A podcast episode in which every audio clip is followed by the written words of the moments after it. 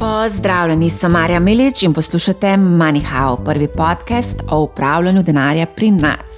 Danes snemam epizodo na redakciji Bloomberg Adria. Tisti, ki me spremljate na YouTubu, boste videli novo ozadje, tisti, ki pa poslušate, boste pa verjetno slišali odmev sejne sobe.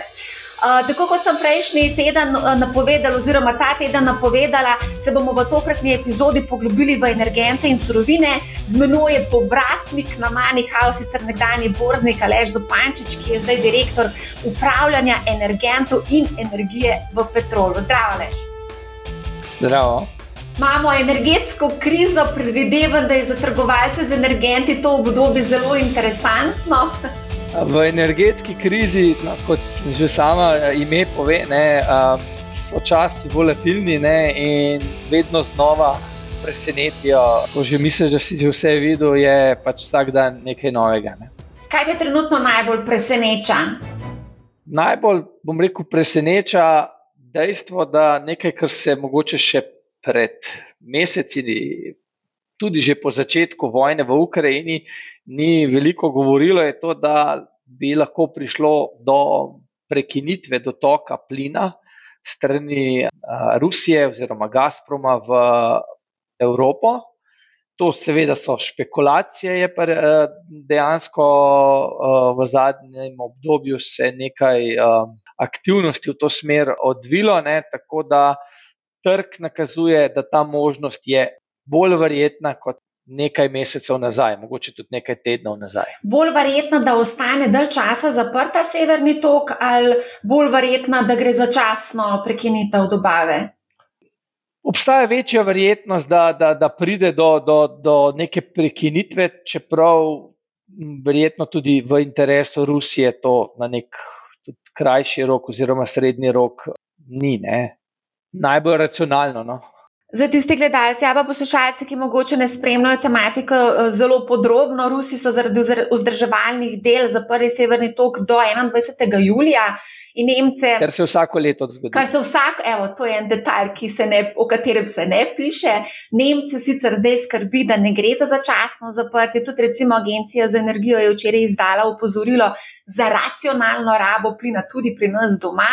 Geoplin se je že odzval, rekli so, da ta razglašena zgodna faza opozarjanja ne pomeni omejevanja dobave zemljskega plina odjemalcem. Kako pa je na petrolu, kako nas vse skupaj gledamo na to? Situacija je iz, rekel, iz nekega tržnega vidika, ne, se politični dejavniki vedno bolj upletajo v, v, v, v dejanske zdobave. Ne, tako da tukaj ni rekel, ne tehnična, ne ekonomsko vprašanje, ampak je politično. Ne? Če pride do, do neke odločitve, da se to zaprtje podaljša, ne? je pa do večjih napetosti na tem področju prišlo, ne, ko je, bom rekel, šlo do nekega remonta ne, oziroma obnove a, pri, pri, a, na, na samem teh a, postajah, ki vzdržujejo pritisk, ne, je pač Siemens dobavitelj to vrstne opreme ne, in je poslal to v nek rekel, manjši del, ne, je poslal v, v Kanado, kjer so tudi dobavitelji in je rekel, Kanada zaradi sankcij, ki so vedene proti Rusiji, ni želela tega izdobaviti, in to je nekako bil mogoče povod v, v to zaostrovanje v zadnjih tednih. No. Zdaj, eh, ko se odvija ne, v zadnjih dneh, ne, naj bi pač ta oprema uh, prišla nazaj ne, in bo mogoče to vse skupaj malo ohladilo uh, ali pa umirilo situacijo. No. Zdaj, kar se tiče same te količine plina, ki jo imamo na zalogi, to je taka skrivnost. Menda, da 80 odstotkov plina hranimo v Avstriji, nekaj na Hrvaškem. Zavod za blagovne rezerve pa podatke o količini plina, ki naj bi jo imel na zalogi, pa ne komentira. Kako naj si se to skupaj predstavljamo? Ja, Slovenija nima svojih skladišč. Ne. Nekaj na to temo je že včeraj minister povedal, ne, da se sklepajo določeni sporazumi z sosednjimi državami, da se ne, da v primeru zelo zaostrene situacije, bi pač ta plin, ki je druge skladiščen, vseeno prišel v Slovenijo. In bom rekel, aktivnosti se tukaj izvajajo. Ne. Je pa mogoče eno zadevo za izpostaviti, da zemljski plin ni predmet blagovnih rezerv, ne, za razliko od nafte. Ne, da, da bi imele blagovne rezerve na tem delu, kakšne rezerve, ne, ni osnove, ne, tudi zakonodaje za ta del ni, ne obstaja. Mogoče eno zadevo za izpostaviti. Ne? Za razliko od zaostrenih razmer, ki smo bili priča v času COVID-a, ko je bilo vsaka država za sebe, ne? je pri energentih oziroma pri plinu ne, do neke mere to možno, ampak je se hitro, hitro bi prišli do težav, ne? ker kaj ti pomaga, če zagotoviš uh, plin za uh, industrijo v svoji državi, ne, če tvoji dobavitelji nimajo plina. Ne. Sej, nekaj podobnega smo bili priča za, uh, v Nemčiji, neko, uh, najprej pri uh, težavah za dobavo polprevodnikov in potem pri težavah z dobavo razno raznih materijalov uh, uh, ali pa komponent, ki so se proizvajale v Ukrajini. Ne. Tako da težko bi na, tudi na nek srednji rok um, strategija, da poskrbiš samo za sebe, pomagala lastni industriji. Kdo pa je tukaj, kdo ima prednost, gospodinstvo ali gospodarstvo v tem primeru? Ja, vsekakor uh, imajo tukaj prednost gospodinstva, ne? ker je to pač kot. Mislim, Že tudi, tudi včeraj je bilo uh, povedano, no, tudi strani ministra, da uh, je tukaj zakonodaja ne, in se pač ve, kdo so te uh, kamor spada gospodinstva, spada gospodinstva, zavodi kot so bolnišnice, domi za upokojence, kjer so skupne korilnice in podobno. Ne. Je pa res, da v zadnjih dneh ne, je pa tudi nekaj tenzij bilo v Nemčiji, ne, da je treba zagotoviti ta plin za industrijo, ne, z vidika izgube delovnih mest. Ampak sam sem mnenja, da si težko predstavljam, da bi pač politiki na ravni EU zauzeli stališče, da je industrija pomembnejša od ogrevanja gospodinskih odjemalcev. No, to bomo še videli, mogoče se bo, mogoče se bo spet kaj spremenil. Ampak gde mogoče ta scenarij še preigrajeva? Do 21. julija ne bi bil zaprt ta severni tok. Ne? V primeru, da se pač zadeva, da podaljšajo iz ne vem kakšnih razlogov, kaj, kaj v tem primeru se bo zgodilo? Če slučajno se to podaljša, kaj to pomeni za vse nas? Če se podaljša za, za neko krajše obdobje, ne, verjetno bi, je to spet napenjanje mišic. Ne. Treba se zavedati, da smo zdaj v poletni sezoni, kjer, se, kjer je obseg porabe plina najnižji ne, in se v tem času se primarno polnijo skladišča. Ne. Primarni vpliv bi bil k zniževanju polnjenja skladišč, sekundarno bi lahko to pomenilo, ne, če bi trajalo dalj časa, da bi se začela skladišča prazniti. Ne, zdaj, za naprej se pa jaz ne bi drznil špekulirati, kaj bi pomenil, a, bom rekel, popolno zaprtje ali pa popolno zaprtje dotoka plina strani Rusije za rekel, daljše obdobje. Ne. Ker tukaj treba vseeno se zavedati, da če bi do tega prišlo, ne, bi to, bom rekel, pomenilo res neko novo realnost. Ne, In na nek srednji rok, tudi za Rusijo, to ne bi bilo verjetno nekaj najbolj oportunega. Ne. Zdaj, ki si rekel, da se polnijo skladišča, kako se polnijo, če je zaprta pipca? Kot sem že prej omenil, da ta remont je bil že vnaprej planiran.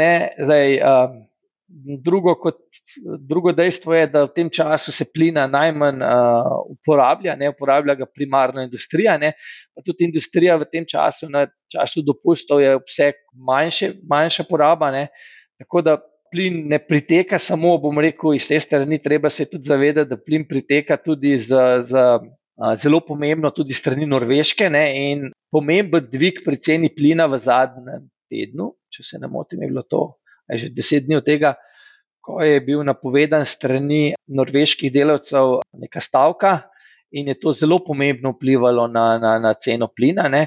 In seveda ne, se tudi plin priteka tudi uh, preko, preko LNG terminalov, pa tudi neke lastne proizvodne v Evropi, ne. ni, ni tukaj samo plin iz Rusije. Ne. Zdaj, omenjaš ceno plina, Zdaj, jaz sem danes zjutraj pogledala graf, graf zgleda, kot sem ti že po telefonu povedala, zgleda približen, da gledam graf kakšne kriptovalute. Trenutno kotira pa pri 170 evrih za megavatno uro. Ja, ne, zdaj spet to je 170 za megavatno uro, to kotira za, za naslednji mesec. Zdaj, če, bi, če pogledamo za. Rekel, mačkam bolj relevantno je za uh, naslednje leto, ne, preko kalendar 23, je cena plina kotira nekje na 140 eh, evrih, ne, približno na tem nivoju. Ne. Je pa res, ne, da če se premaknemo za eno leto nazaj, ne, je bila cena plina, ne, govoriva o ceni na megavatno uro. No. Je bila pa cena 20 evrov na megavatno uro. Ne. To je, rekel, sedemkratnik. Ne. Mogoče še eno dejstvo. Ne, Timera, ne, ki se pač ukvarja z raziskavami na področju energentov, ne, in pač nekaj mesečno objavlja a, tudi svoje videnje, ne, ali je to za elektriko, obnovljive vere, zemljski plin. Ne, je že v začetku a, vojne v Ukrajini objavila neko krajšo, krajši pogled na, na, na ceno plina. Ne, in njihova cena je, da pri ceni plina 150 evrov na megavatno uro, ne, to je po njihovi oceni točka preloma, kjer se industrija začne resneje ustavljati. Ne. In uh, bom rekel, to predstavlja resen izziv. Ne. In kot mnogi pravijo, ne, da zdravilo za visoke cene so visoke cene, ne, bi rekel, da pač. Iz njihovega vidika je to pač ta cena, ne, nekje 150 evrov na megavatno uro, kar ne pomeni, ne, da že cena ne, 100 evrov na megavatno uro marsikomu predstavlja resne izzive. Ne. A mogoče lahko poveš, kako v bistvu sploh zakupijo, ne vem, zdaj hotla sem v bistvu prej elektriko, ampak zdaj, ko si že načel, kako zakupiš v bistvu sploh plin kot neko podjetje? Zakupiš lahko um, najbolj preprosto v obliki letnih produktov, ne? Kar pomeni, kot so zdaj umenjali, ta uh, kalendar 23, bi pomenili, da zakupiš za celo leto. Ne?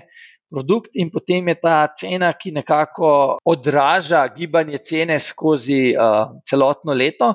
Je pa pri plinu specifika sledeča, ne, da pač v korilni sezoni ne, uh, je pač cena plina ponovadi višja, po korilni sezoni se spusti in ponovno se dvigne. Ne. Tako da lahko se zakupijo tudi krajše obdobja, se zakupijo meseci, kvartali ne, ali pa vem, sezonsko, ne, poletje, rekel, zima. Ne.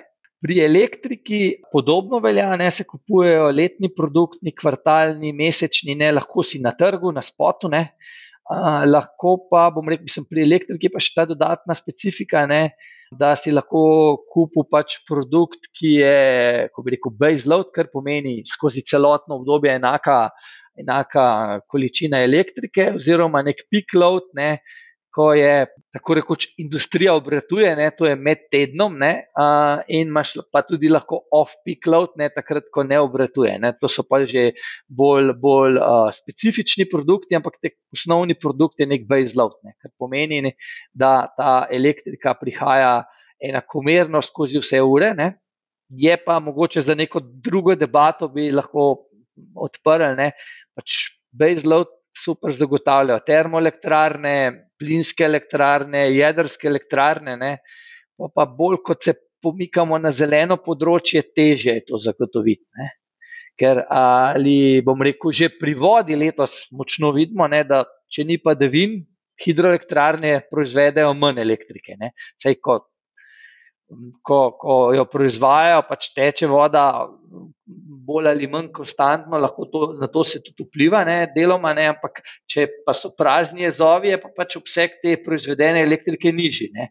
Če se zdaj premaknemo na, na, na sonce ne, in veter, je pa ta zadeva še bolj specifična. Ne, pač po noči ni sončne energije, ne, uh, vetrna energija pač je tudi takrat, ko veter piha. Ne, tako da bolj, ko smo uh, na nekem klasičnem veru, bolje to uh, uh, lažje zagotoviti to vrstno energijo, in bolj kot smo zeleni, ne, več je izzivov. Ne. Torej, vreme je zelo pomemben pri celotni ja, zgodbi. Zdaj, če ugotavljamo, da imamo sušo, trenutno ne, v marsikaterem predelu Evrope, to je problematično. Ne. Koliko procentov v Sloveniji? Mislim, da sem gledala eno pito, mislim, da je bilo 45-48 procentov jedrska energija ostalo je pa, ne vem, sončna energija je bila, oziroma sončna, sončna je bilo zelo malo, ne 4-5 procentov. Ja, ja, za termo, ja, pač. za hidro se pa ne spomnim, tam 30 mogoče, če je bilo, mislim. Hitri kalkulaciji. Spet je odvisno od leta. Za, za, za obnovljive vere vemo, pač, da v Sloveniji imamo izziv ne? za, za vidika umestitve v prostor ne? in imamo uh, najbolj uh, rekel, zahtevno ptičjo populacijo v Evropi, ne, če sem malo politično korekten. Uh, Se mislim, da je petrol ravno zaradi tega, ker imamo v Sloveniji tako politično, uh, ker imamo tako ptičjo. Zahtevno populacijo. Zahtevno populacijo, veternice, veterni park naredil na Hrvaškem, ki pa očitno ni tako zahtevna ta populacija bom rekel, tako, ni zahtevna, ne samo tukaj se treba nekaj zavedati. Ne. Vsekakor se upoštevajo tudi v tem delu zelo, bom rekel, najvišji standardi, ne, da tudi v, v teh naših veternih parkih ne, se upoštevajo, bom rekel, ptice ne, in tudi na to je odgovor. Ne, in mogoče bi tukaj podelil neko, neko mišljenje ne, um, gospoda z Nizozemske, ne, kjer veliko te zelene energije proizvedejo, ne, da tehnologija je šla dovolj naprej, ne, da se lahko vzeme v obzir tudi uh, vrste, na katere vplivajo to vrstne elektrarne ne, in v, se lahko tudi ugašajo oziroma delujejo omejeno v nekih obdobjih. Ne. Po drugi strani pa uh, se treba vprašati, kako vplivajo pa rekel, termoelektrarne na ptice. Ne. A, mogoče, glede na to, da omenjava že uh, jedrno, uh, jedrsko energijo, evropski poslanci so glasovali, da je to zelena energija. Kako ti to gledaš na to? Vsekakor ne pušča ali pa praktično ne spušča CO2 v, v, v, v zrače, ko to gledamo širše ali ože, ne, v primerjavi z nekim lignitom, ne, je vsekakor dosti bolj zelena energija. Ne? In če je bilo še pred leti, bom rekel, bogokletno razmišljati, da bodo nemške termoelektrarne ponovno kurile lignit, ne? se to sedaj dogaja. Ne? In iz tega vidika je to vsekakor bolj zelena energija. Ne? Tukaj bom rekel, pomisleki, ki so, ne, so z vidika skladiščenja, ampak mislim, da, da je šla tehnologija tudi tukaj na tem delu zelo naprej. Ne? Varnost se je tudi izboljšala. Zdaj, če želimo ne, pospešiti neko zeleno transformacijo, ne, se lahko spet vrnemo nazaj v debato, ne, kdo bo zagotavljal energijo, ko ne piha veter ne, in ko ni sonca. Ne. Lahko upamo na nek čudežni razvoj baterij, ki bi to zagotovile, ampak to bi res mogel biti čudežni razvoj. Ne. V nasprotnem primeru pa je jedrska energija definitivno bolj zelena kot pa vem, termoelektrarne. Ne. A greva zdaj na elektriko. Preden smo vklopili rekord oziroma snemanje, smo se pogovarjali o elektriki in si povedal, da, boš, da se je elektrika izredno podražila in da boš mal povedal, kaj se dogaja na trgu za elektriko. Ja, mogoče naj tako malo za, malo za občutek. Ne? Če bi rekel, da podjetja ne, uh, kupujejo elektriko za vem, leto, dve, tri leta naprej, ne, lahko tudi več, ne, z nekimi daljšimi pogodbami, ne, da je tukaj mogoče za neko drugo debato, ne, tako imenovanimi PPA pogodbami, tudi deset ali več let. Ne, pak, prav, kot sem že rekel, to je za kdaj drugič. Ne, neko standarden način ne, ne, kupovanja te elektrike je pa, je pa z temi letnimi produkti. Ne. In zdaj, mogoče za oris. Ne? Cena elektrike za leto 2023, polovica julija lansko leto, ne, je bila slabih 66 evrov na megavatno uro. Ne? Če se premaknemo naprej, ne, pa da spustimo tiste res izjemne cene, ne, ki so bile potem v, v novembru, pa začetku decembra, ne, je bil pač pol produkt uh, za leto 2023 začetek januarja, 3. januar, cena 128 evrov, ne? skoraj da podvojeno. Ne? In zdaj, če se premaknemo na današnji dan, oziroma včerajšnji dan, no, da ne bomo zdaj na današnjem, tako da je pa ta cena elektrike za naslednje leto na borzi 394 evrov. Da, uh, Kaj to pomeni za, naš, za naše položnice? Ja, za naše položnice pomeni, da če se ne bo umirilo bom rekel, zdaj za 2023 je praktično pred nami. Ne. Pomeni, da smer bo navzgor. Za naslednje leta je pa pač tudi, tudi odvisno, ne, kako se bo gibala vem, v naslednjih letih. Energija se kupuje, se tudi za naše položnice se zakupuje naprej. Ne. Tako da je v veliki meri že determinirana. Ne. Smer pa pač ni, ni, ni, ni, ni zelo ugodna. Ne kar je nekako tudi za še bolj očitno, ne, je se tudi elektrika za leto ne, 2024 ne, cena 242 evrov. Elektrika za leto 2025 se trguje 185 evrov. Ne. To so neki nivoji, ki so bili, bom rekel, v preteklih letih nepredstavljivi. Ne.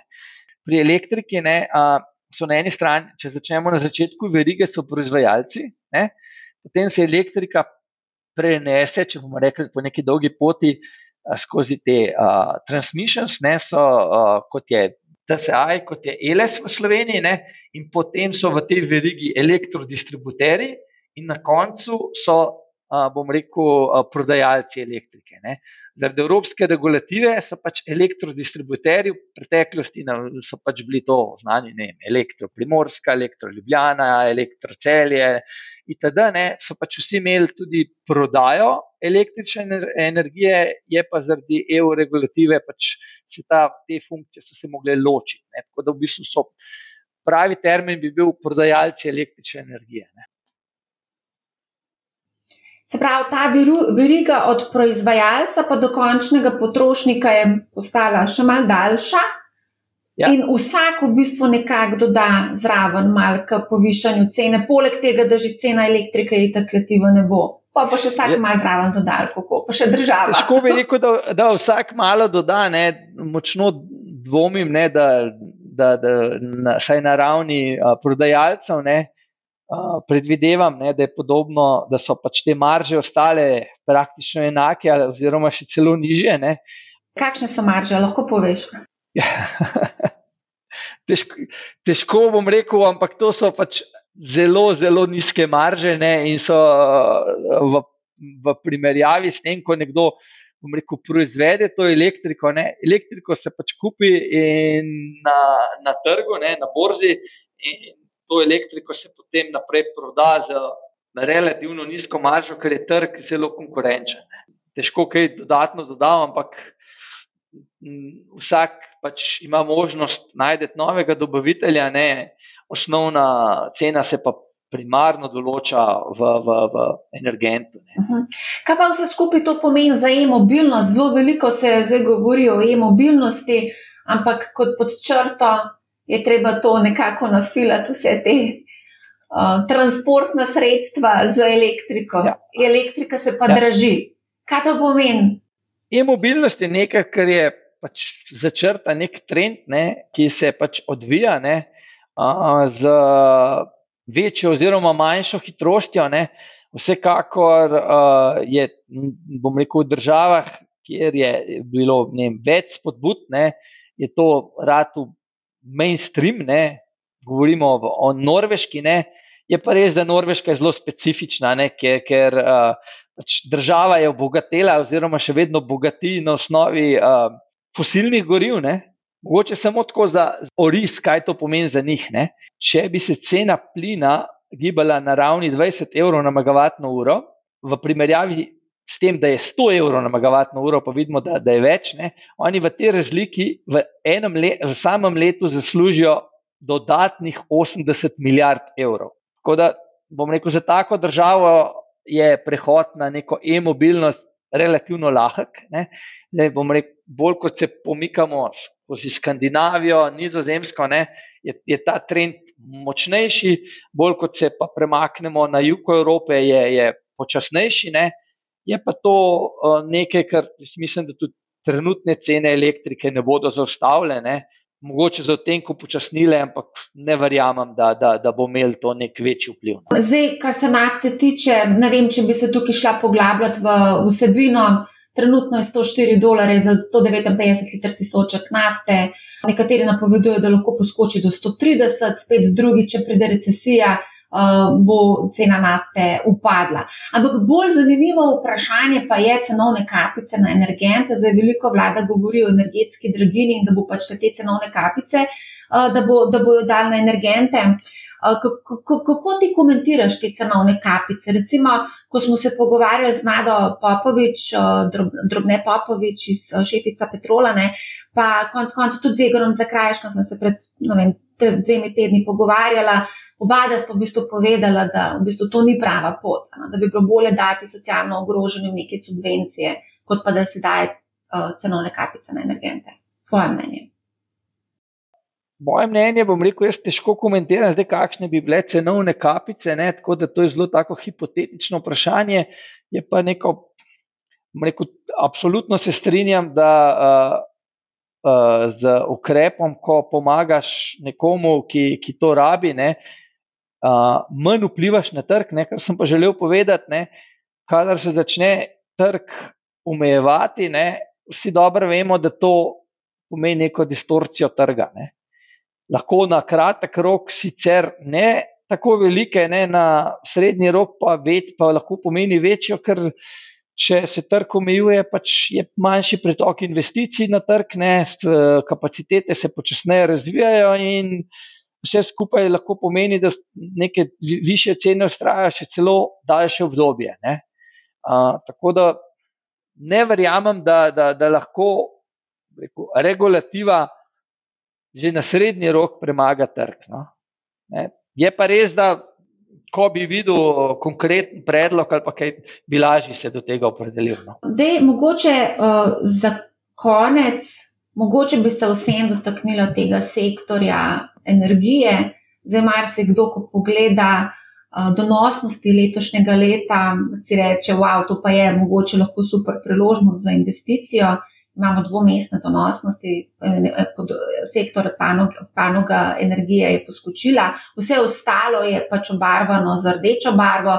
Je pa recimo Alež Grbič iz Infonda upozoril, kot sem že prej omenila, da če pride pač recesija, sama investicija v e, energetiko mogoče ne bo tako smiselna, kot mogoče zdaj zgleda v tem trenutku za te, ki lovijo kratkoročne uh, donose dejansko v zadnjem obdobju, no, rekel, kar so se začele cene energentov dvigovati, ne, počasi bo to že verjetno nekje celo devet mesecev, ne, če um prvi val v, ob koncu leta 2021 ne pozabimo. Ne, Ni bilo, bom rekel, nobene debate o tem, da kako pa lahko vpliva ne, recesija na cene energentov. Ne trg na tem delu, kar nam kaže, ne, je, da nafta, ne, ki je globalna, za katero obstaja globalni trg, ne, se je zelo hitro odzvala ne, na neke napovedi o recesiji ne, in se je v zadnjem obdobju ne, celo cena se je znižala, ne, tako da je zelo pod vplivom napovedi recesije. Ne. Recesija ne, in manjše popraševanje ne, bo pa vsekakor pač negativno vplivalo na cene tudi elektrike in plina. Ne. Tukaj se ne smemo zatiskati oči, ne, ker če bo poraba manjša, ne, bo pač to elektriko, ki bo proizvedena, ne, ki uh, bo šla do konca odjemalcev, bo treba prodati. Ne, in če bo spot market drastično nižji ne, in da se bo to začel poznati iz, iz uh, dneva v dan, oziroma meseca v mesec. Ne, Bo to se vsekakor odražalo tudi na cenah energentov, kot sta elektrika in plin. Ne. Je pa res, da plin je tukaj je specifičen, ne, glede dobave, ne, ampak ne glede na to. Ne. Manjše popraševanje pomeni, da imaš tudi manjšo potrebo po dobavi. Uh, glede investiranja v to vrstna podjetja, ne, je pa nekaj tudi vse splošno, rekel, ali pa neka uh, modrost, ki sem jo pred kratkim prebral, ne, da ko se začnejo napovedovati neka omejevanja, ne, kapice oziroma uh, windfall taxi, ne, uh, je pač čas, ne, ko je treba resno razmisliti, ne, ali so to še prave investicije. Zdaj, če, to, če pa povežemo skupaj še z recesijo, ne, je verjetno še toliko bolj tvegano. Ne. Ja, da mi povej, zdaj, ko omenjava še recesijo, da povej, um, kako ti vidiš, kdaj bo, kako bo, kakšna bo, kako bo, bo globoka, bomo imeli trd, mehak pristanek. Mene to so zelo, zelo, zelo, zelo različna. Ja, to je izjemno kompleksno vprašanje. Ne.